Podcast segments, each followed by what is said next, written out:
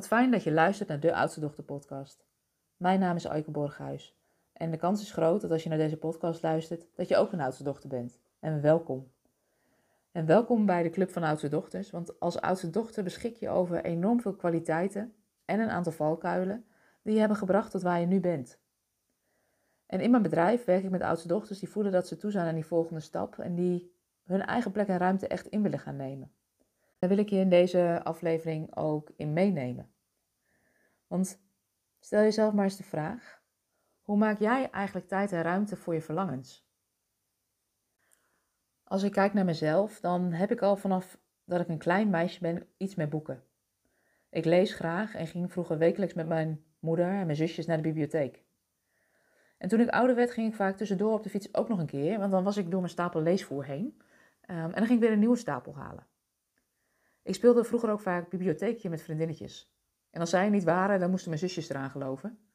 Ik plakte dan briefjes voor in de boeken waarop ik de uitleendatum en de retourdatum schreef. En vanzelfsprekend was ik natuurlijk de bibliotheekjuf. Als klein meisje vond ik zelf boekjes knutselen ook altijd leuk. Ik pakte dan een stapel papier en maakte zelf mijn eigen boekjes. En in die boekjes tekende ik dan en schreef ik mijn gedachten op. En opstellen schrijven vond ik ook altijd leuk. En die werden door de docent ook altijd goed ontvangen. Wat mijn plezier in het schrijven ook vergrootte. Ik ging het meer doen. Op de middelbare school moesten we boeken lezen voor de lijst. En als oudste dochter kan ik er niet zo goed tegen als iets moet. En de lol van het lezen ging er toen ook wel wat vanaf. Een docent die op de middelbare school niet zo enthousiast was over een opstel en stevige feedback gaf over ehm, eh, dat mijn spelling niet genoeg was, dat mijn opbouw van het verhaal niet goed genoeg was, printte ik in mijn hoofd met de overtuiging: zie je wel, ik kan helemaal niet schrijven. En de negen opstellen die daarvoor wel goed ontvangen waren, vergat ik door die ene opmerking. En het gevolg daarvan is dat ik jarenlang geen pen en papier meer aanraakte. En in 2015 ontdekte ik dat ik het schrijven miste. Ik merkte dat mijn creativiteit geblokkeerd was geraakt. En op dat moment pakte ik het boek The Artist Way van Julia Cameron erbij en begon weer met het schrijven van mijn ochtendpagina's. En het idee van die ochtendpagina's is dat je ochtends gewoon eigenlijk, vlak nadat je wakker bent, drie pagina's schrijft waarin je alles opschrijft wat, wat, wat er in je hoofd opkomt, wat je bezighoudt.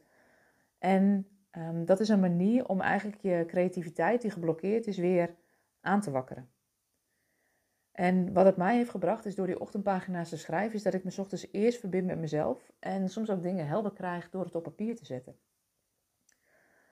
En als ik kijk naar die periode in 2015, is dat ook de periode dat ik het bloggen weer ben gaan oppakken voor mijn bedrijf. En in het begin vond ik het heel lastig en ingewikkeld om mijn schrijfsels te delen met de wereld. Ik deed wel een dagdeel over een blog en uit angst voor kritiek durfde ik de blogs vaak ook niet te plaatsen. En dat werd makkelijker voor mezelf toen ik bedacht, als er ook maar één iemand een inzicht haalt uit het schrijven van deze blog of uit deze blog, dan is het voor mij al de moeite waard. En dat herken ik ook nu, nu ik podcast maak. Als er ook maar één iemand is die een inzicht haalt uit die podcast of um, het gevoel heeft van hé, hey, ik, weet je, ik ben me weer bewust van de kwaliteiten die ik heb, ik voel me weer fijner vandaag, dan is mijn missie geslaagd. Maar even terug naar het schrijven. Het schrijven van een boek is al een verlangen dat ik al als klein meisje had. En ik ben er ook al meerdere keren aan begonnen. En een denkfout die ik daarbij heb gemaakt is dat ik dacht, nou, zo'n boek schrijven, dat moet je toch gewoon zelf kunnen. En zo heb ik vorig jaar ook een behoorlijke tijd besteed aan het schrijven van een boek, totdat het voor 80% af was en ik vastliep. En ik heb op dat moment een schrijfcoach ingeschakeld. En wat ze tegen me zei is: Ik zie dat je kunt schrijven, maar de structuur klopt niet en daardoor loop je vast. Ik kon wel janken. En eerlijk is eerlijk, dat heb ik ook gedaan. Ik heb een boek in de hoek gesmeten en ik heb er echt een hele tijd niets meer mee gedaan. En toen begon het toch weer te kriebelen. Dus ik benaderde dezelfde schrijfcoach die me eerder had verteld van ja, je bent niet op de goede weg. En ik vroeg haar, kun je me helpen met de structuur? En zo werkten we samen aan mijn boodschap, de kapstok en het publicatievoorstel voor een boek. En dat leverde wel resultaat op. Want al vrij snel daarna hapte een uitgever toe die het boek wilde uitgeven. En dat is zo tof. En ook heel spannend. Want wat er tegelijkertijd ook gebeurt, is dat al mijn onzekerheden weer voorbij komen. Wie ben ik dat ik denk dat ik een boek kan schrijven? Wie zit er nu te wachten op een boek wat ik wil schrijven? En ik betrapte mezelf ook heel regelmatig op uitstelgedrag. Nee, ik heb nu geen tijd om aan een boek te schrijven, want... Puntje, puntje, puntje. En ongeveer een maand geleden was ik echt helemaal klaar met mijn uitstelgedrag. Ik huurde een huisje voor een schrijfweek waarin ik vol focus aan mijn boek zou kunnen werken. En daarmee legde ik mezelf onbewust druk op, want het moest dan in die week ineens wel gebeuren. En je kunt misschien wel raden wat er gebeurde. Helemaal niets. Ik zat naar een knipperende cursor op het scherm te kijken en er gebeurde weinig. Ik belde met een vriendin en die hielp me om de drukte vanaf te halen. Ze zei: Hoe zou het zijn om het geen schrijfweek te noemen, maar een boekweek te noemen? Een boek schrijven is namelijk niet alleen schrijven, het is ook schrappen, het is ordenen, het is redigeren. En dat gaf ineens heel veel ruimte, want ineens hoefde ik niet meer alleen te schrijven, maar ging het om ja, een boekweek. En zo ben ik die week dan ook aan de slag gegaan.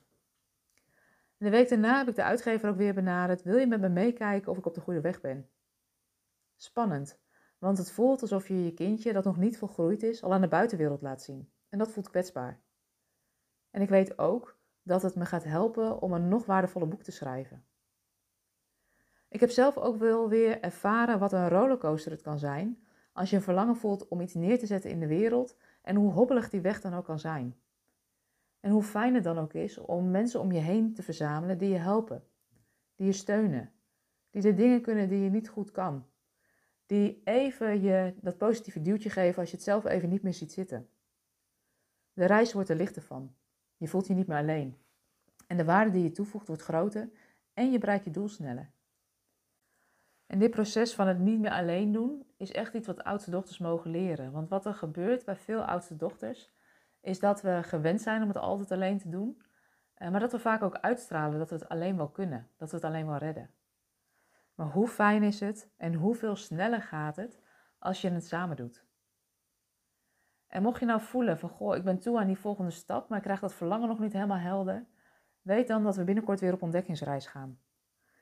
In het nieuwe jaar 2023 gaan we weer aan de slag met een mooie groep vrouwen in een ontdekkingsreis die het jaarprogramma is. En het jaarprogramma is een ontdekkingsreis om stil te staan bij wie ben ik? Wat wil ik? Welke verlangens of dromen wil ik serieus nemen? En hoe wil ik me eigenlijk voelen?